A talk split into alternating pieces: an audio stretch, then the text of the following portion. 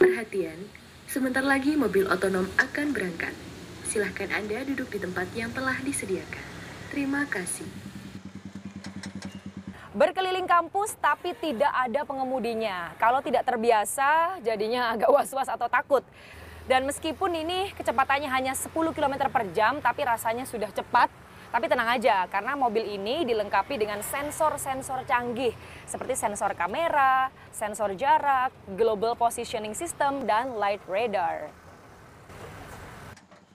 Mobil tanpa pengemudi bertenaga listrik berjuluk iCar Intelligent Car ini sementara didesain khusus untuk shuttle di lingkungan kampus. iCar dijalankan dengan kombinasi teknologi berbasis artificial intelligence dan Internet of Things. Kemudian sensor-sensor itu uh, masuk ke dalam sistem uh, navigasinya. Nah, di dalam sistem navigasi kita tanamkan beberapa misalnya teknologi kecerdasan buatan semacam itu, kemudian uh, dari sensor yang masuk menjadi sebuah persepsi lingkungan yang ada di sekitarnya. Dari persepsi ini kemudian menjadi gerakan uh, mobil untuk mengarahkan mobil ke tujuan tertentu. Sistem yang dirancang tim peneliti memungkinkan mobil mengenali potensi bahaya, mencegah tabrakan, dan mengurangi risiko kecelakaan.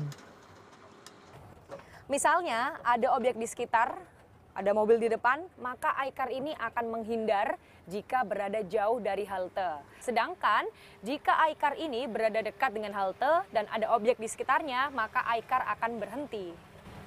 Meski sudah beroperasi sejak 8 Agustus lalu, sebenarnya iCar masih dalam tahap uji coba. Tim pun telah menyiapkan satu orang operator untuk memantau jika terjadi kondisi darurat.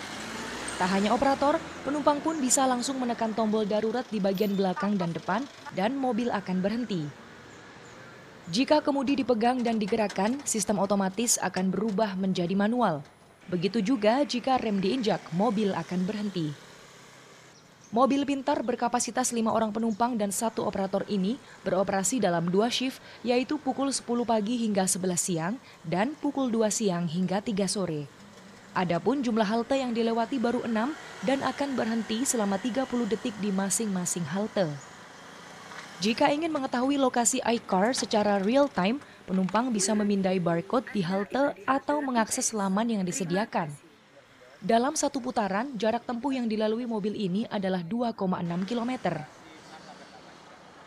Kalau dari segi kecepatan sih sudah cukup puas karena kalau kita bandingkan dengan jalan kaki, dia lebih cepat dari jalan kaki. Tapi kalau untuk dari segi mengcoverage seluruh ITS masih belum kan ini karena masih separuh. iCar tidak didesain untuk segala cuaca. Jam dan lokasi pengoperasiannya pun masih terbatas. Tim peneliti berencana menambah jumlah unit mobil, jam operasional, dan jalur di area kampus. Kanza Tamarindora, Ganjar Wicaksono, Surabaya, Jawa Timur.